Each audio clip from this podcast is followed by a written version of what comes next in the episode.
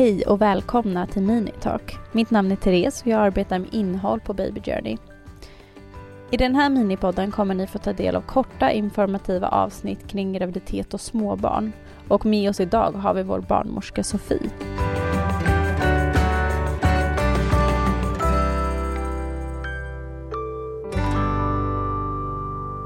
I dagens avsnitt kommer vi att prata om vaginala förlossningar. Är det det vanligaste sättet att föda på? Ja, det är vanligare att föda vaginalt än med kejsarsnitt. Får man välja om man vill föda vaginalt eller med kejsarsnitt?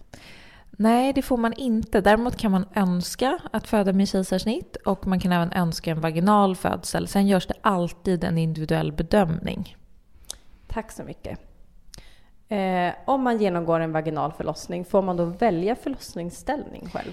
Ja, i de flesta fall kan man göra det. Om inget akut sker och personalen vill ha liksom bättre uppsikt, då kommer man bli ombedd att kanske lägga sig på rygg till exempel i en klassisk gynställning. Men annars kan man alltid önska det man tror passar en själv bäst. Har det att göra med att personalen vill och behöver bättre uppsyn på den födande och barnet? Ja, precis. Man vill ha en bättre uppsyn över kanske underlivet och eh, kunna arbeta i en bättre ställning för personalen.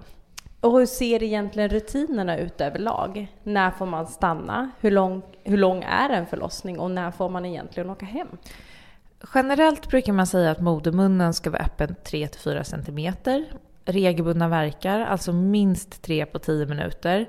Och eller en vattenavgång. Då ska alltså två av tre kriterier vara uppfyllda. Men det görs alltid en individuell bedömning om man får stanna även om man bara kan köpa en en centimeter och eller om man har kanske lite mer oregelbundna verkar. Hur lång en förlossning är, är olika. Du som föder kanske räknar från första verk hemma medan på sjukhuset kanske man räknar att en förlossningen startar när flera och ovan kriterier är uppfyllda. Eh, generellt tar det längre tid att föda första barnet. Tack så mycket. Och när får man åka hem efter förlossning? Och ser det likadant ut över hela landet? Nej, det ser olika ut i landet. Eh, och det är också en individuell bedömning. Men man kan, om allting har gått som det ska för mamma och barn, för den gravida och barnet, så brukar man kunna åka hem efter sex timmar. Har man fött på natten så brukar man ju få vänta till morgonen. Men annars så kan det vara upp till en veckas eftervård också. Det beror på. Tack så mycket.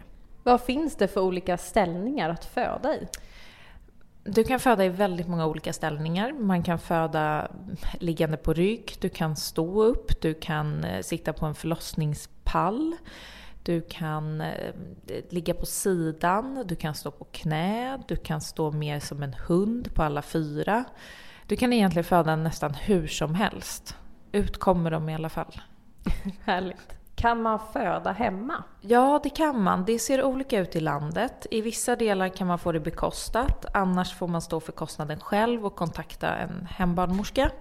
Men det här kan man höra efter med mödravården om vad som gäller där just du bor. Tack så mycket. Har man som födande alltid rätt till att bada? Man brukar på de flesta kliniker kunna bada som smärtlindring men inte alltid ha rätt att föda i badet. Eller man rekommenderas att inte göra det av för olika, man kanske har olika riskfaktorer.